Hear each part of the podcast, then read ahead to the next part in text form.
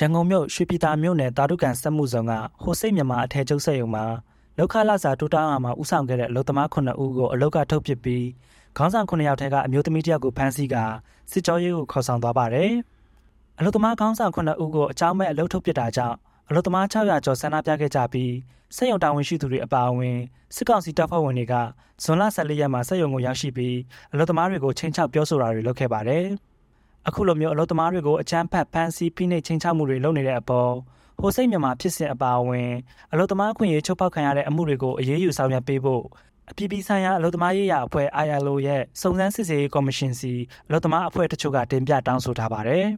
။စစ်ကောင်စီအနေနဲ့ကတော့ဖွင့်လင်းလေးပဲမှတ်ချက်ပေးရလို့ရှိရင်သူတို့တွေလိန်နေတယ်ပေါ့နော်။ဒါလိန်လာလဲဆိုတော့ဒီစစ်ကောင်စီရဲ့အလုပ်သမားဝန်ကြီးဌာနရဲ့ဥပဒေဥပဒေရှင်ကစက်ရုံအလုပ်သမားတွေနဲ့ တောက်ရောက်ပြေးဆုံပြီးတော့ဒီအလုပ်သမားတွေကို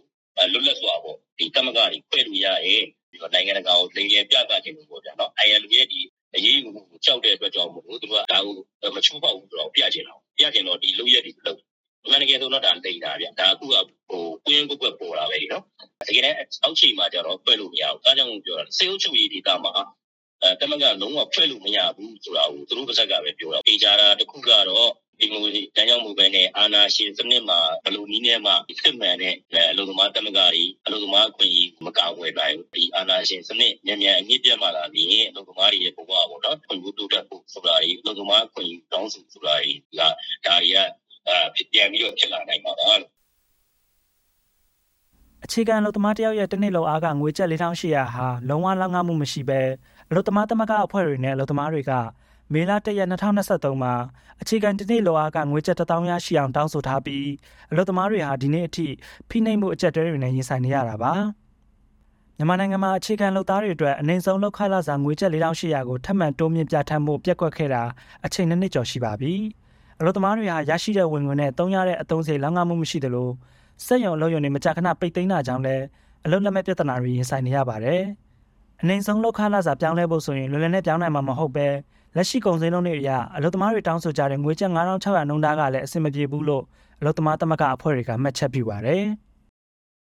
လေသုံးလုံးခလာတာဆိုတာကလွယ်လွယ်နဲ့မပြောင်းကြဘူးဒီလိုမျိုးပဲလုံသမားတွေကပိတ်တွေဆန္ဒပြပွဲတွေဖမ်းခံရတာတွေထောင်ကြတာတွေအဲ့လိုမျိုးရှင်းပြီးတော့မှရတာပေါ့ဒါပေမဲ့ခုကကြတော့ငွေရအရင်နေတဲ့ခါကြတော့လေကျမတို့ကသူတို့တွေရှင်းတာမတန်ဘူးလို့မြင်တယ်လုံတော့လုံရမယ်ဒါပေမဲ့မတန်ဘူးပေါ့နော်နောက်တစ်ခါဒါကအနည်းဆုံးလုံးခလာတာပြန်ခိုင်းမယ်ဆိုရင်သုံးမွေးဆိုင်ကိုသွားရမှာလာသာတိုးမယ်ဆိုရင်တော့ဟုတ်တယ်လုပ်ငန်းရှင်နဲ့စိုက်တယ်ပေါ့နော်လာသာတိုးရုံတည်တယ်မဟုတ်ပဲအနည်းဆုံးလုံးခလာစာအထိသွားတယ်ဆိုရင်တော့ဒါ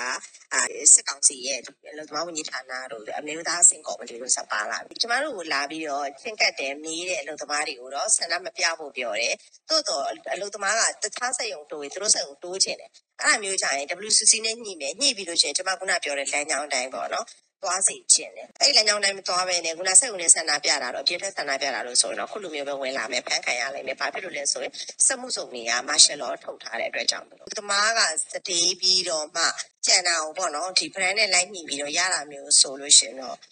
မတန်ဘူးလေဟိုအမျိုးသမီးငယ်လေးတွေအခုအနေထားကလည်းလူတိုင်းသိနေကြတာပဲလေအဲ့တော့မမျှတဘူးလို့ကျွန်မအနေနဲ့တော့ယူဆတယ်ဒါကြောင့်မလို့ကျွန်မတို့ကတော့လက်မခံဘူးဖြစ်စဉ်လေးပေါ့ပါမြန်မာနိုင်ငံကစက်ရုံအလုပ်ရုံတွေမှာလောက်ကိုင်နေတဲ့အလုပ်သမားတွေအတွက်9တန်းနီးပါးရှိတယ်လို့အလုပ်သမားကူညီရေးအဖွဲ့တွေကခန့်မှန်းထားပါတယ်။ကိုဗစ်ကာလကလေးကလက်ရှိအချိန်ထိစက်ရုံလုံရုံပိတ်သိမ်းမှုတွေကြောင့်အလုပ်သမားတွေဟာအလုပ်ရှားပါမှုနဲ့လောက်ခလာစာပြဿနာတွေမကြခဏကြုံနေရပါတယ်။